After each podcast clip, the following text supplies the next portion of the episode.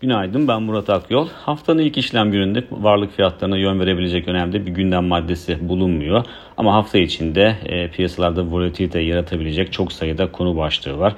Özellikle ABD faizlerinin 2008 krizinden bu yana en yüksek seviyeleri test etmeye başladığı içinde bulunduğumuz dönemde makroekonomik verilerin seyrini yakından takip edeceğiz. Geçen hafta hatırlarsak perakende satışlar, sanayi üretimi, konut başlangıçları ve haftalık işsizlik maaşı başvuruları gibi veriler ekonomiye dair oldukça pozitif sinyaller vermişti.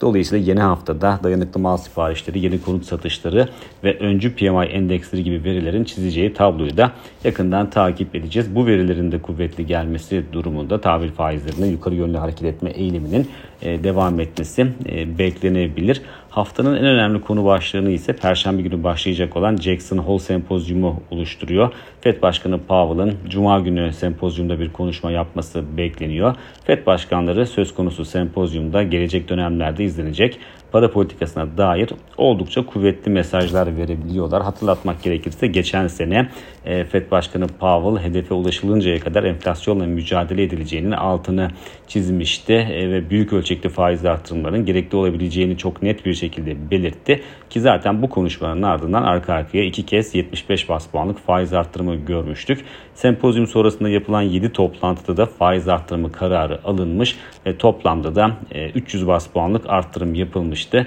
Dolayısıyla Fed'in yılın geri kalanında bir faiz artırımı yapıp yapmayacağı konusu sempozyumda verilecek e, mesajların ardından biraz daha netleşecektir. E, Jackson Hole sempozyumu öncesinde e, zayıf bir performans sergileyen yurt dışı piyasaların ise görünümünde çok ciddi bir değişim olmayabilir. E, yatırımcılar daha çok e, Powell'ın vereceği mesajları bekleyebilir gibi görünüyor. İçeriye döndüğümüzde ise içeride de bu hafta e, Merkez Bankası'nın toplantısı var. Perşembe günü gerçekleştirilecek toplantı. E, son toplantıda 20 Temmuz'daki toplantıda Merkez Bankası politika faizinde 250 bas puanlık arttırım yapmış ve politika faizine %17.50 seviyesine taşımıştı. Bu ay için beklentilere baktığımızda Forex anketinde medyan tahmin %19 seviyesinde e, bulunuyordu. En yüksek tahmin ise %20 seviyesinde e, yer e, alıyor.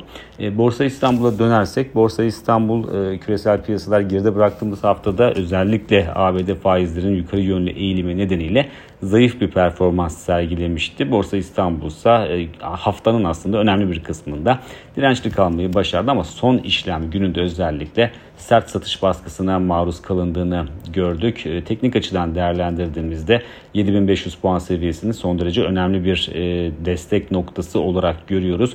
Cuma günü bu seviyenin altı test edildi fakat bu seviyenin üzerinde kapanış yapıldı. Dolayısıyla bunu şimdilik rahatlatıcı bir unsur olarak çalıştığını düşünüyoruz e, yeni haftada öncelikle bu seviyenin üzerinde ne ölçüde kalıcı e, olunacağını takip edeceğiz. Bu oldukça önemli teknik görünüm açısından. Ayrıca Cuma günü de tabii ki e, Jackson Hole Sempozyumunda verilecek mesajların küresel risk iştahına etkilerinin içeriye de yansıyabileceğini düşünüyoruz. Bir sonraki podcast'te görüşmek üzere.